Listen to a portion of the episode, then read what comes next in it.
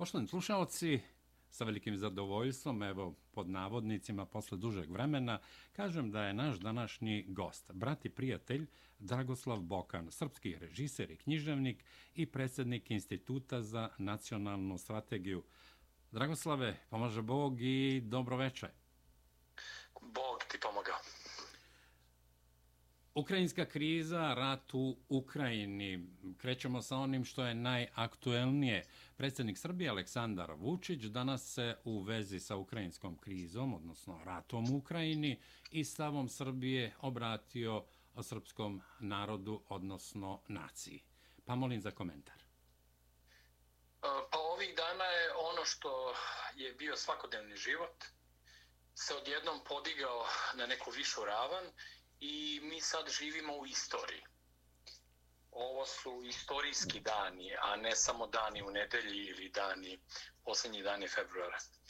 To su oni dani koji se pamte decenijama, o njima se kasnije govori i učesnici moraju drugačije da razmišljaju o posledicama svojih postupaka u ovakvim trenucima, za razliku od recimo nekog uobičajenog vremena koje je bilo evo sve do skora, sve do pre dva dana. Tako da živeti u istoriji nije jednostavno uh, u rusko-ukrajinskom sukobu.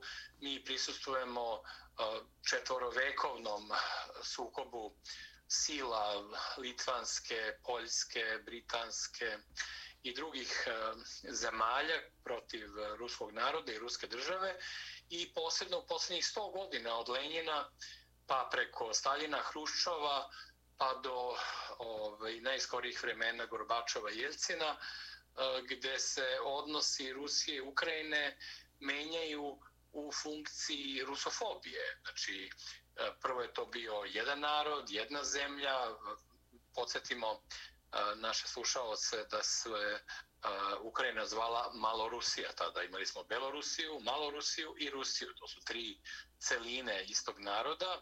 Pa onda taj, kad je taj narod postao delom unijatski, delom rimokatolički, pa onda nakon puno vremena i ateistički i bezbožni, onda je došlo do čitavog haosa koji se dovršava cepanjem i pravoslavne crkve u Kijevu i u Ukrajini. E, tako da je e, istorija Ukrajine, moderna istorija Ukrajine u stvari je istorija upotrebe tog prostora i tih ljudi protiv Rusije. Na sličan način na koji je to recimo Crna Gora u vremenu komunizma bila i nažalost jednim delom i ostala protiv Srbije. Znači to je e, priča ne o jednoj nezavisnoj zemlji koja ima svoju logiku, svoje poreklo, svoju geopolitiku, već o zemlji koja je evo sad e, u najskorije vreme postala neka vrsta čeličnog noža uperenog u Rusiju, a koga u ruci drže one zemlje koje predvode taj rusofobnu tu koaliciju zapadnoevropsku. Tako da eto, to je ono što u stvari moramo da imamo u vidu s jedne strane. S druge strane, kada govorimo o Ukrajini, ne smo da zaboravimo da je to jedna nova Ukrajina, totalno antiruska i totalno e, zapadno-evroamerička. To nije ona Ukrajina recimo iz 1999. godine koja je također na svoj način osudila bombardovanje Jugoslavije i Srbije, jer je ta i takva Ukrajina nestala 2014. godine u februaru kada je na Majdanu došlo do državnog puča u režiji e, stranih obeštenih agencija, gde je na vlast došla grupa ideoloških fanatika neonacističkih koji su uzlizali Stepana Banderu. Stepan Bandera je jedna užasna ličnost, slična Anti Paveliću iz unijatske porodice, otac smo bio unijatski grkokatolički sveštenik. On je odrastao dakle, u tom zapadnom delu Ukrajine koji je odavno bio okrenut protiv, protiv Rusije i on je u svom delovanju organizovao ukrajinski nacionalizam kao antisemitski, antimađarski, antislovački, antipoljski i pre svega iznad svega antiruski. On je a, toliko krvavio ruke da je čak i Nemcima ove, to bilo previše pa su ga smenili.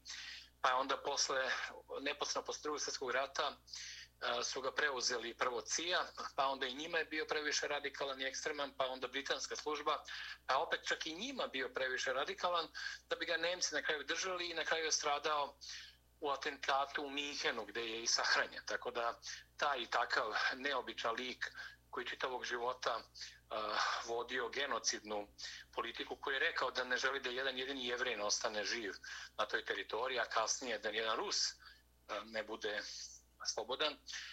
Taj i takav čovjek je dobio spomenike po čitavom zapadnom delu Ukrajine vi imate skoro svako mesto imate spomenik Stepanu Banderi, Banderi i ti Banderisi su u stvari osnova onih koji su napravili Majdan i definitivno okrenuli Ukrajinu isključivo protiv Rusije. I ta 2014. godina u stvari godina koja je prouzrukovala i stvaranje Donjetske, odbrambene Donjetske narodne republike i Luganske narodne republike koji imaju uh, ruski narod u ogromnoj većini u tim delovima na istoku Ukrajine. Preko 800.000 Rusa, izvinjavam se, preko 800.000 Rusa je u te dve republike. Pa i više ih ima, ima ih i više, ali stvar je i teško je to odrediti, jer to je sama granica, kao što sama reč Ukrajina kaže, ta krajina, to je ta, ovaj, ta neka ivična, granična teritorija, ali čega granična? Pa nije granična teritorija Amerike, nije Rusije, naravno. Nego granična teritorija Da, da, Rusije. Tako da je sve se pa Gogol je odatle, Čajkovski, ne znam, Stravinski je odatle. Tu je, tu je sahranjen Petr Stolipi, najveći ruski E, diplomat, e, diplomat i državnik ovaj, e, i kako bi to rekli, javna ličnost sa početka 20. veka koji je stradao u, u atentatu. Kijev je centar dugo vremena bio i centar kompletne ruske duhovnosti. U ostalom, u Kijevu je stvorena Rusija, Kijevska Rusija. Na Krimu je krštena Rusija. Tako da govoriti o tome na način uh, bezdušan i izbacivati Rusiju sistemski iz istorije Ukrajine, isto kao kad Montenegrini, ovi Đukanovićevi, pokušavaju da izbace srpski element iz istorije Crne Gore i Brda i Primorja, što je stvarno nevjerovatno. Znači, to su te nove konstrukcije, ideološki hibridi, neke histerične ovaj, kombinacije usmereni isključivo protiv pravoslavne Rusije, protiv pravoslavne Srbije, protiv ideje suvereniteta, nacionalnog identiteta, protiv slobode od, od upotrebe od strane uh, onog dela Europske unije koje se više bavi uništavanjem uh, uh, tih autentičnih uh, tradicija i običaja, nego što se bave ekonomijom i onim stvarima zbog kojih je navodno i formalno i stvorena Europska unija. Znači, to je veoma, veoma komplikovana priča u kojoj sad na sve to imamo i srpsku priču. U tome, za one koji ne znaju, polovinom 18. veka iz Austrijske imperije put e, tih te, graničnih teritorija Ruskog carstva je krenulo jako mnogo srpskih oficira hrabrih oficira koji nisu hteli ni po cenu života da pređu u rimokatoličanstvo da bi dobili one najviše činove i oni su izabrali odlazak u te pobočne prostore Rusije. To je bilo vreme posljednje, prve i posljednje carice iz dinastije Romanovih, baš ruske čerke Petra Velikog ili Savete Petrovne, koja je sa velikom ljubavlju i poštovanjem E, dočekala Srbe, koji su došli neke dve grupacije koje su, nažalost, se odmah posvađali bili su sve vreme u sukobu, dok, dok je to sve trajalo tih 15 godina između 1752. i tako 65. 67. Znači, grupa pod komandom Jovana Horvata i grupa pod komandom Jovana Ševića, oni su bile zavađene i nalazili su se, uh, one su svi došli prvo u Kijev, u taj prostor, pa su onda odatle išli, u centralnom delu je bila ona Novosrbija, a Slavijena Srbija je bila, baš bila na mestu gde, gde su sad Luganski Donjeck. To je u stvari čitav Lugansk, ova uh, Narodna republika, Luganska, ali je centar tog dela te Slavijena Srbije bio u današnjem Donjecku. Tako da mi praktično imamo tamo na sceni potomke Srba i to ne kao neku sad fantaziju, mitsku, nego realnu, istorijsku, e, već 100 godina posle toga, negde polovinom 19. veka, su proslavljali 100 godišnicu boravka tamo, to su ti husarski konjički pukovi i ovi drugi e, pešadijski, ili tad se to zvalo pandurskim pukovima, koji su puno učestvovali u borbama ruskim, jer Saveta Petrovna je bila velika carica, Ona je bila poznata po tome što nije dopuštala e, izvršenje smrtne kazne, e, izbacila je strance i povratila Ruse u vrh vrh države i bila je veoma uspešna u ratovima, pa je tako čak skoro totalno porazila Prusku pod e, vladavinom Fridriha Velikog. I samo njena smrt sprečila totalno uništenje Pruske od strane pobedonosne ovaj, ruske armije sa silnim Srbima unutra. Jedna velika, velika carica koja inače i princezu Sofiju privela, koja će kasnije postati, kad se bude krstila, eh, Katarina II, Katarina Velika, koja će, nažalost, opet u sve dobre stvari koje je uradila za Rusiju, će ukinuti te srpske pukove i oni će se ovaj, postaviti eh, unutar ruske vojske kao budući Rusi koji će kasnije njih nekoliko desetina biti čuveni generali iz Napoleonovih ratova. Tako da ta krvna veza, bratska veza, istorijska veza, duhovna veza Srba i i tih graničnih uh, Rusa uh, posle ukidanja no, no, nove Srbije i Slavijana Srbije je uh, su, većina naših oficira i vojnika su prešli u kozačke jedinice. Tako da i deo te tradicije junačke vojne je isto vezano za naše ljude. Mi, ne, nažalost, za vrijeme komunizma nismo imali priliku da o tome išta čujemo, a i posle 48. godine Tito ne samo što je napravio oštre odnose prema Staljinu i Sovjetskom savezu, već i prema kompletnoj ruskoj kulturi i rusko-srpskim vezama. I onda, eto, posledica je ta da mi nismo ni stigli da se obavestimo šta se tu dešava. Znači, ako neki narod ima pravo da nešto kaže, povodom Donjecka i Luganska, to je srpski narod, jer, jer je taj prostor uh, najviše ruski, zatim naš, pa tek onda ukrajinski. Tek treći po redu, gledano istorijski.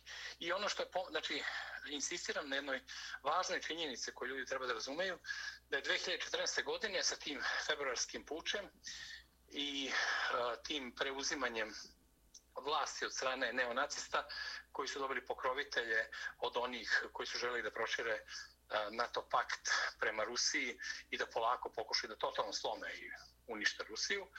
Od tog trenutka kreće sve ono što se kasnije uh, dalo, što se kasnije u stvari, zašto se kasnije optuživala Rusija.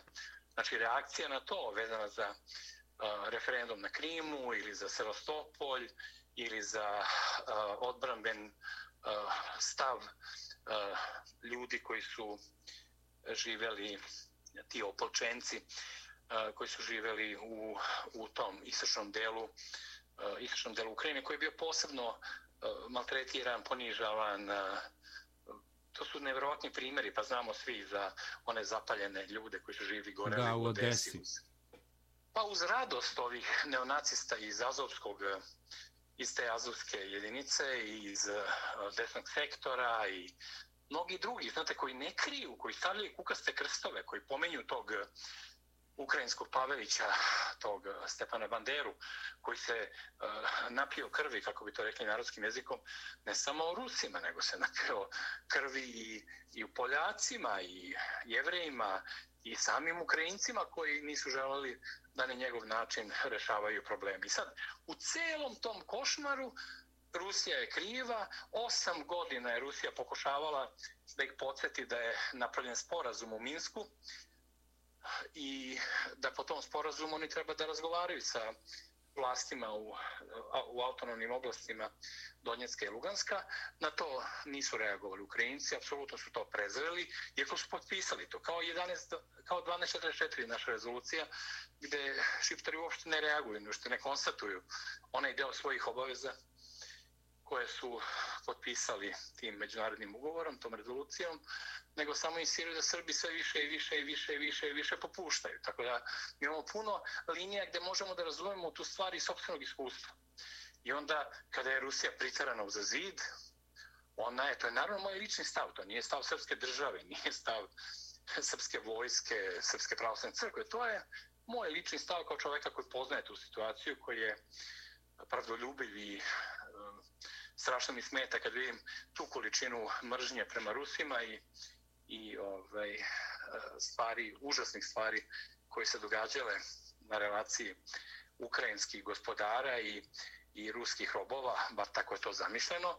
I nakon osam godina trpljenja, čekanja i, i čak i pobune, mnogi ljudi među ruskim nacionalistima su kritikovali ekstremno i žestoko kritikovali Putina zbog toga što nije više pomoći nudio i nije jače reagovao na stradanje Rusa u Donjecku i Lugansku, a on to nije radio upravo zato što je znao od onog sekunda kada bude nešto konkretnije uradio u korist svojih sunarodnika, da će tog trenutka on biti napadnut kao agresor, novi Hitler ili već kako to sve ide. I on je odlagao taj trenutak dokle god je mogao i eto došao je taj čas da je možda poslednji čas da on nešto uradi, jer ne smemo da zaboravimo, hladni rat nije nastao obostranom zaslugom. Hladni rat je nestao, izvinite, nestao isključivo zahvaljujući uh, rukovodiocima Sovjetskog savjeza. Oni su rasformirali Varšavski pakt, oni su pružili ruku pomirenja Zapada, oni su pustili ujedinjenje Nemačke, oni su se povukli bez ikakvih bez ikakve dobiti u samo jedan jedini, nažalost, neformalni uslov koji se podrazumevao tada, a to je da se NATO neće širiti na račun bivših zemalja Varšavskog pakta, a posebno ne na račun zemalja koji su bile unutar Sovjetskog saveza u okviru njegovom. Pa Izvinjavam se, Dragoslave, usmeno obećanje. Pa ima, ima svedoka, znate, ima svedoka, baš skoro Nemci su pisali o vrlo važnim svedocima iz visoke nemačke politike koji su tome prisustovali, davali to i govorili o tome. Imamo zapisano iz tog vremena, ovaj, početka 90. godina, ovaj, to je kraja 80-ih, pa onda i početkom 90-ih, iz tog vremena da se jasno govorilo da naravno da neće NATO da se širi na istok, jer zašto bi se širio kad više nema Vašarskog pakta, više nema nikakve opasnosti i to je trebalo da bude kraj hladnog rata. Nažalost, hladni rat se pretvorio neki još jeziviji ledeni rat sa mnogo većom mržnjom, jer ranije su se makar plašili Sovjetskog saveza, pa su onda bili mnogo pažljiviji i mnogo uh, odgovorniji u tim odnosima neprijateljskim između Zapada i Istoka uh, sa gvozdanom zavesom. Kada je ta gvozdana zavesa pala, ne pobedom Zapada, već popuštanjem Istoka, onda nakon toga oni više nisu osjećali nikakvu opasnost od te države i te vojske koja se doslovce raspadala. Sovjetski savez je došao u situaciju da lošije funkcioniše nego neke mnogo manje zemlje, ali koje nisu imali tako nagledane probleme. Međutim, srećom je predsjednik Putin uspio da uspravi vojsku i bezbednostne trupe i da obnovi ekonomiju, da crkvi da zaslu, zaslužno mesto u ruskom društvu, da stvari postavi na istorijske tradicije i da se odupre rusofobi. Znači, eh, Rusija ne bira neprijatelje, nego neprijatelji bira i nju. Onda se ona brani, braneći se reaguje. Eto, pokušala i nas da brani, ali u vreme kada još nije imala dovoljno snage. Međutim, važnost našeg primjera je u tome što su Rusi videli kroz nas da sva, svaka vrsta popustljivosti ništa ne pomaže u tom kvazi dijalogu sa Zapadom. Zapad se ponaša kao razbojnik koji uh, vaše, vaše popuštanje i fair play tumači isključivo kao slabost. Znači, vi ako nekom oprostite, razbojnik, normalan čovjek će vam biti zahvalan. A razbojnik će reći da ste debil, glupak, idiot, ili da ste bili naj, ili ste bili naj. Ne, ne postoji ideja zahvalnosti u razbojničkom umu. Tako da je, nažalost, tom logikom je i krenula međunarodna politika i onda su Rusi vidjeli da Srbi i u Jugoslaviji kogod popuštali, kogod pokušavali da pregovaraju, da pristaju, da popuštaju, da ne vredi, to ide sve dublje i dublje i da se to završava uvek i isto pokušajem totalnog uništenja i porobljavanja i naravno delovanjem pete kolone ovaj, posle 5. oktobra kada su ambasadori velikih zapadnih zemalja vladali e, Srbijom nekoliko godina jer su ministri tadašnji i, i ovaj, političari išli na konsultacije i dobijali naređenja od strane ljudi iz ambasada, ambasadora koji su praktično vladali Srbijom. Srećom uspeli smo se izvučemo iz svega toga, iz tog živog blata i da uspostavimo sada već i jednu poprilično samostalnu, suverenu i nezavisnu Srbiju koja traži svoj put u budućnost, gledajući i prema prošlosti i prema sadašnjosti, boreći se protiv sobstvenih slabosti, ali i neprijatelja, razvijajući ideju kulture sećanja i prvi put progovarajući istinu o tome što se dešavalo u paklenoj nezavisnoj državi Hrvatskoj, a posebno u Jasanovcu, pa je prvi put i snimljen film na tu temu, srpski film na tu temu, Dara iz Jasanovca, pa je novi simbol Beograda umjesto Beograđanke ili ne znam onog golog pobednika na Kalemigdanu koji je izradio Meštrović je postao a, ruskom rukom izrađeni Stefan a, Nemanja Simeon Miretočevo, koga upravo i slavimo. ovo je, njegov, ovo je njegova, ovaj, ovo su njegovi dani. Da. I, znači, taj uh, Stefan Nemanja, on je sada simbol Beograda. I to je onda Beograd Despota Stefana, kraja Dragutina, Beograd uh, majora Dragutina Gavrilovića, Beograd svih onih junaka koji su proslavili, boreći se za njega, proslavili taj grad. I to je u stvari uh, sve to simboliše taj Stefan Nemanja i od njegovog mača tom ulicom Nemanjinom, pa preko Svetosrpske ulice do krsta Svetog Save pred hramom na, u spomeniku Svetom Savi također urađenom ruskom rukom.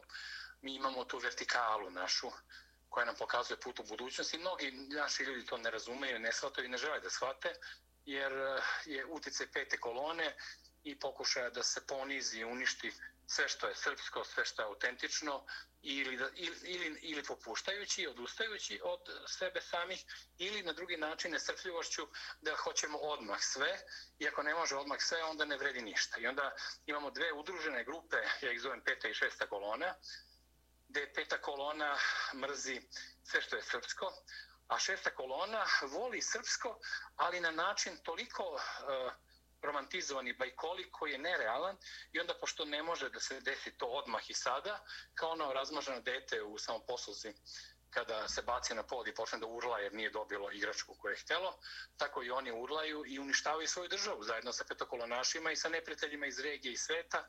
Tako da eto, ta čita, ja sam sad na neki način u nekim grubim crtama i obrisima pokušao da prikažem šta je to što se događalo i sa nama, i sa Ukrajinom, i sa Rusijom, i sa našim neprijateljima, i zbog čega nemamo mir.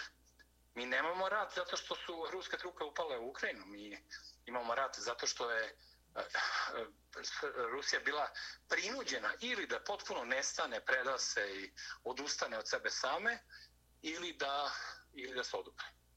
Po cenu velikih sankcija, po cenu drugačijeg načina života, po cenu izbacivanja s Eurovizije iz Lige šampiona, eh, a već je to urađeno delom i preko sporta vezano za učešće ruskih sportista na olimpijadi i tako dalje. To je jedan veliki globalni udar sa zapada od strane jedne imperije koja pada, to je ta Pax Americana, ta imperija, koja polako pada, ali to nije ne pada a, država američkog naroda ili ne Bože da neko nešto može zameri a, Amerikancima.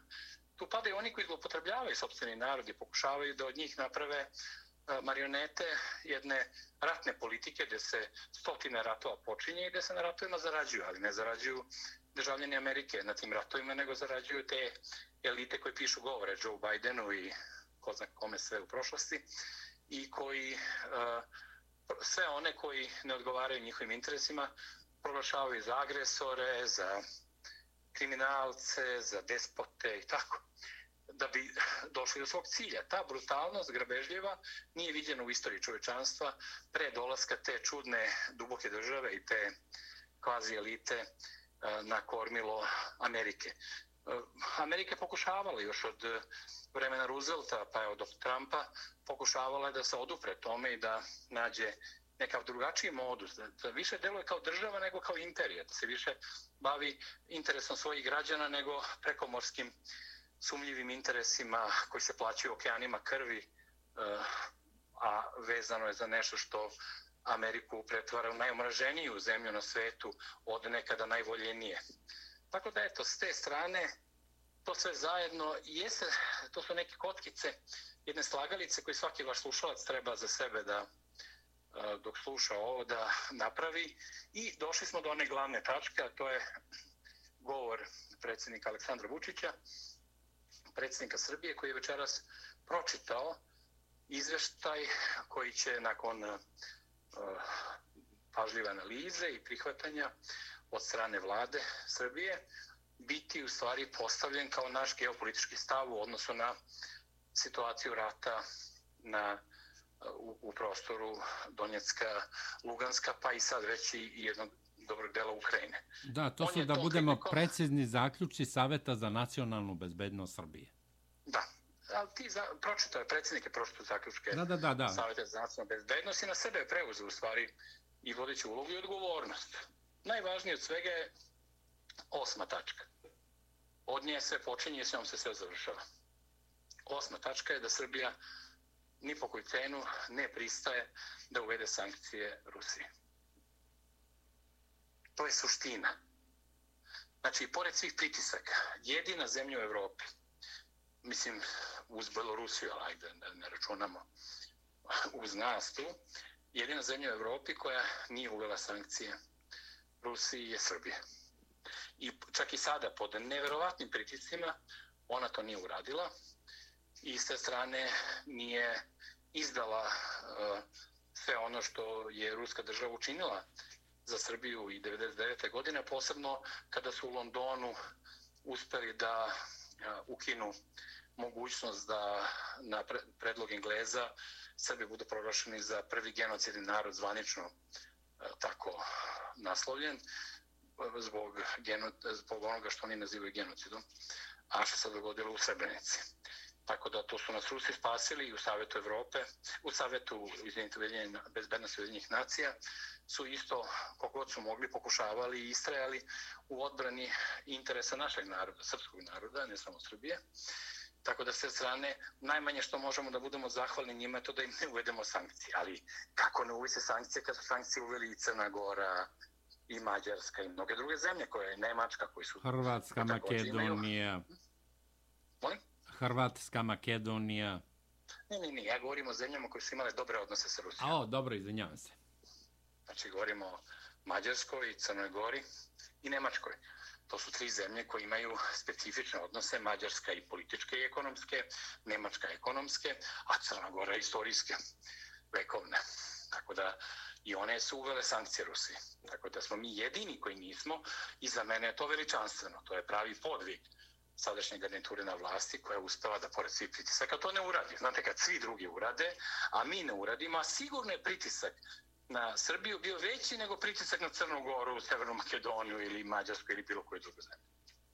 Jer kada mi uvedemo sankcije na mi koje nazivaju mali Rusi i koji smo stradali i zbog toga što su nas tako nazivali i tretirali, šta god mi uradili, tako nas tretirali, kada mi, kada bi mi uveli te sankcije, to bi bilo paklano zadovoljstvo za neprijatelje Rusije mnogo veće nego bilo koja druga zemlja. I mi smo eto sad čak i ovom prilikom uspeli to da izbegnemo. Naravno, uz insistiranje na teritorijalnoj celovitosti zemalja priznatih od strane Ujedinjenih nacija, čime smo naravno nastavili uh, borbu za Kosovo i za nedeljivu teritoriju Srbije i ne pristanje na to da se izglasava secesija Kosova od Srbije, koja je i po ustavu i po međunarodnim zakonima nepovrediva. I onda je to sa te strane vrlo važno. Mi smo s jedne strane mi ove, dajemo podršku teritorijalne celovitosti Ukrajine, a s druge strane nećemo da uvedemo sankcije Rusiji. Tu smo našli neku vrstu idealne mere precizno, hiruške precizno označene i to je vjerojatno najbolji mogući potez koji jedna odgovorna država ovaj, može da učini s obzirom u kom smo stanju, sa koliko neprijatelja protiv sebe, sa koliko međusobnih unutrašnjih neprijatelja razjedinjenosti i nedovršenih građanskih ratova, to je jedino rješenje i ja kad sam čuo da nismo uveli sankcije Rusiji, ono, imao sam neku vrstu e, drugima nečujnog, ali neka vrsta aplauza takvom potezu naše države i svaka čast onima koji rukovode našom državom na tome. A Dragoslave, predsjednik Srbije Aleksandar Vučić je pre obraćanja javnosti Srbije, ali rekao bih i, i, i regiona, kako to popularno zovu, razgovarao sa patrijarhom srpskim Porfirijem. Kako to komentarišete? Pa pre svega, reč je o jednom ponovno vraćenom običaju koji su svojevremeno imali i knez Miloš i knez, pa zatim i kralj Milan i kralj Aleksandar Obrenović i Petar I. Karadžođević. To je običaj da ljudi koji vode državu, bez obrada li kao vladari ili kao državnici, da se konsultuju i da razgovaraju podom najvažnijih stvari sa najvišim predstavnicima Srpske pravoslavne crkve. To je suština. I ovdje je suština da se neko slaže, ne slaže, šta misli njegova svetost Patrijarh Porfirije, a šta misli predsjednik Srbije, gospodin Aleksandar Vučić, nego ovdje je reč o tome da, da nakon uh, tog skupa najviše bezbednostne ove, ovaj, institucije uh, naše države se ide na razgovor sa prvim čovekom Srpske pravoslavne crkve. I tek onda se izlazi u javnost. Znači, to je jedan novi običaj koji potpuno odudara od titoističkog, bezbožnog, jezivog odnos, odnosa i stava koji smo trpeli decenijama, gde je crkva bila ponižavana, patrijarh. Imamo mali prekid. Naš gost je Dragoslav Bokan. Govorimo o ukrajinskoj krizi, o stavu Srbije povodom rata u Ukrajini. Da, kažem, kažem ovaj, neko je ušao drugim da, da, telefonom, da. nažalost. Teško je izdržati jedan duži razgovor, da, a da niko ne zove posebno jednog ovakvog dana, kao što je kao što je ovaj. Znači, to je e, patrijarh German, koga mnogi ne vole, a i, i s pravom ga često kritikuju, s obzirom na okolnosti u kojima on žive, on nije dopustio da se sformira takozvana makedonska pravoslavna crkva, bez obzira na užasne pritiske i bez obzira na to što je njegov prethodnik, patrijarh Vikent, je otrovan od strane Titove vlasti zbog toga što na to nije pristajao. Nije pristajao da potpiše predlog da Tito dobije Nobelovu nagradu za mir i kao najvažnije od svega, on e, je trpeo u ime svih nas užasno maltretiranje. Ima, postoje svedočanstva vladika koji su bili tad mladi monasi koji su bili prisutni kada su ljudi iz tih verskih komisija njega šutirali, vukli ga za bradu, šamarali ga i udarali pesnicom u prostorijama gde bi ga zvali. E, mi zaboravljamo kroz šta smo prošli. I oni degenerici, idioti koji govore da je ovo najgora vlast, najgore vreme, oni kao da, kao da su poludali. Kao kad bi neko ko je prošao Pavelića i Jasenovac rekao da je najgore stanje sad u odnosu na Jasenovac. Da. To je kao kad poredite Tita i, i bilo koju vlast iz ovih posljednjih 20 ili 30 godina. Znači, neodgovornost, lakoća napada, mržnje, rušenje sobstvene države. Znate, postoje tri temelja srpstva. Ja sam to tako preuzeo i na taj način nastupam. Jedan je Svetosavlje, znači to je Srpska pravoslavna crkva koja brani i srpski narod, a ne samo veru pravoslavnu i hrišćansku tu je Kosovski zavet kao priča o narodu, odanom narodu, koji ne razmišlja samo o tome da izbegne sukob, već i o tome da sačuva čast i obraz. I kao treći koncept, državni razlog, tako se to zove u politikologiji, državni razlog je da ne dopustite da vam unište državu. Jer ako vam unište državu, džava vam priča o tome šta biste vi voleli, šta biste želeli, kada nemate državne institucije više i kada naravno zajedno sa državom odmah strada i vojska i sve ono drugo što ide uz državu, diplomatija.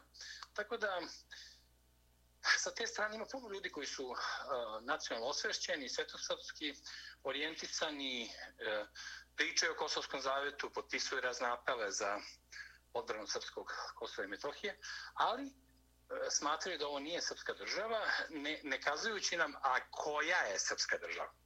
Vi ne možete da rušite jedinu postojeću srpsku državu u korist neke idealne koje će doći jednog dana ili koje je nekad davno postojao. Da. I ako nešto rušite, morate da znate šta istog trenutka i čime to zamenjujete. Znači, ako birate između dve države ili tri srpske države ili pet ili sedam srpske država, i onda možda kažete šta su vam prioriteti.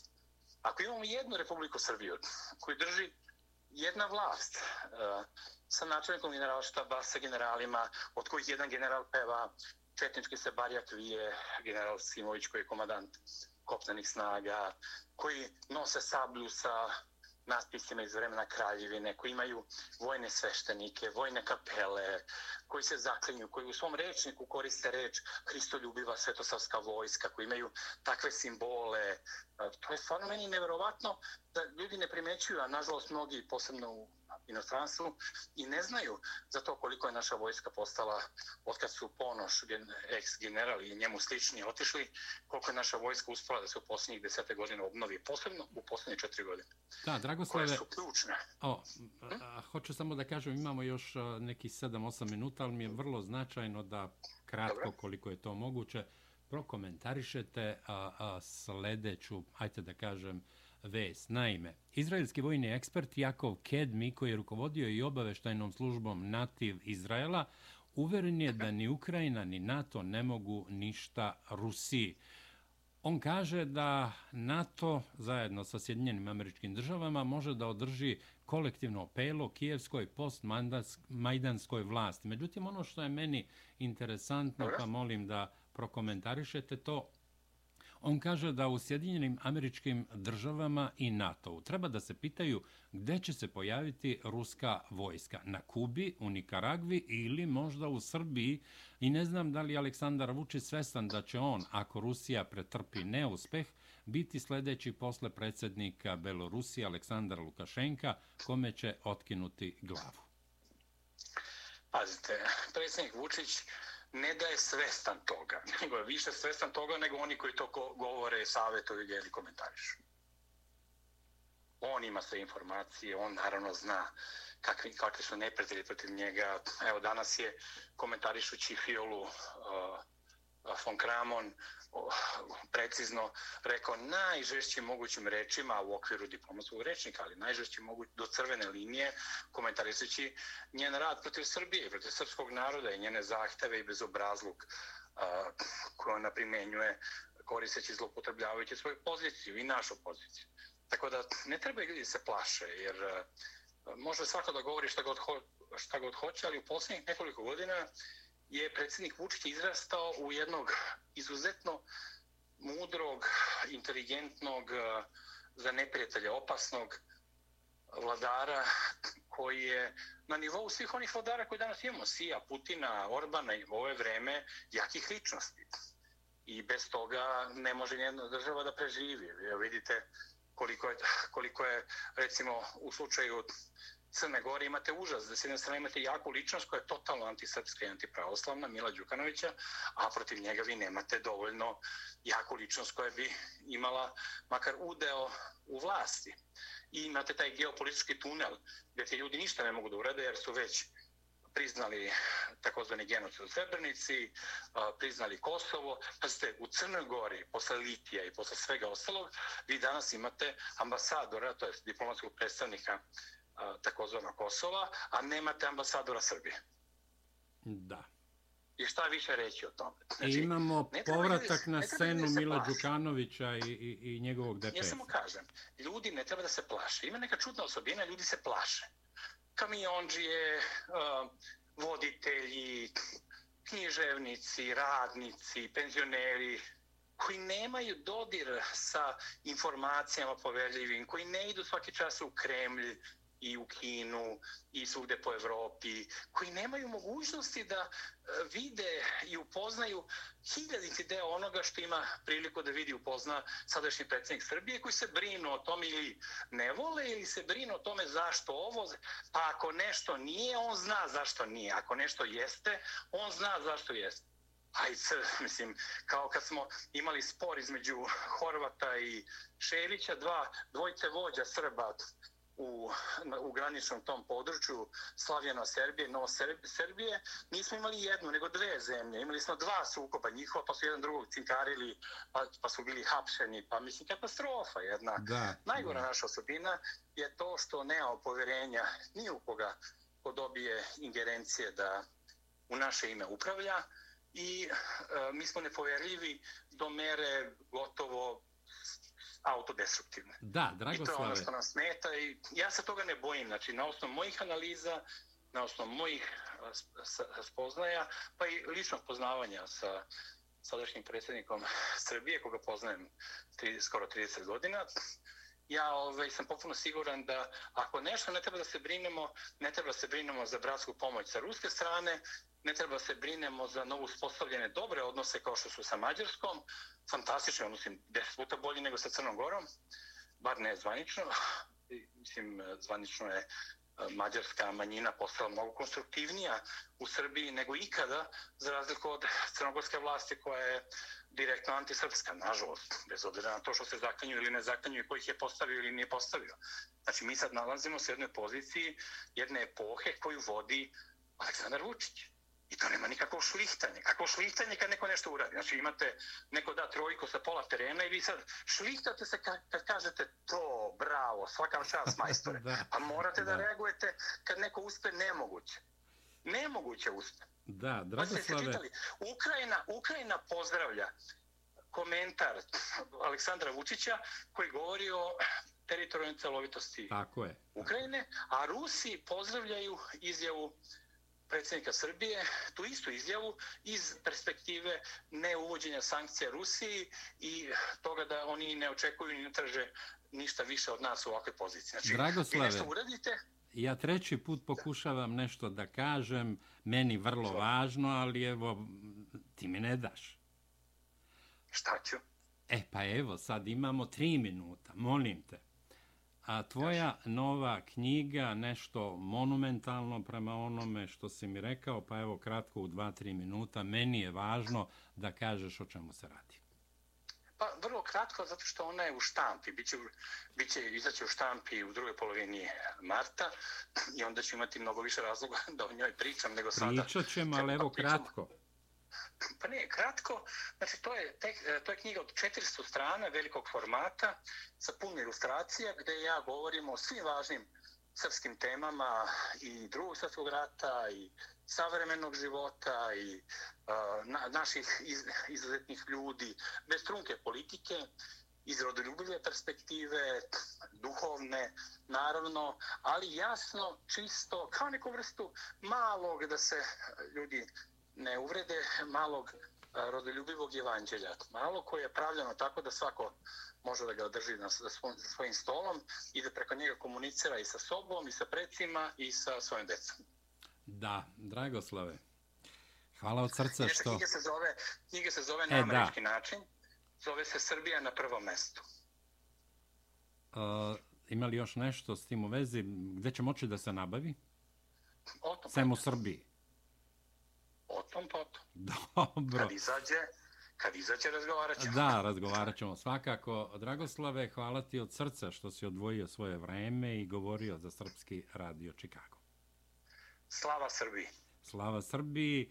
Poštovani slušalci i pratioci YouTube kanala Srpskog radija Čikago, naš gost danas bio je sa zaista velikim zadovoljstvom i privilegijom, kažem, Dragoslav Bokan, srpski režiser i književnik i predsjednik Instituta za nacionalnu strategiju. Hvala i lako noć. Hvala vama svima i sreće vam praznik Svetog Simeona Mirotočeva. Hvala također.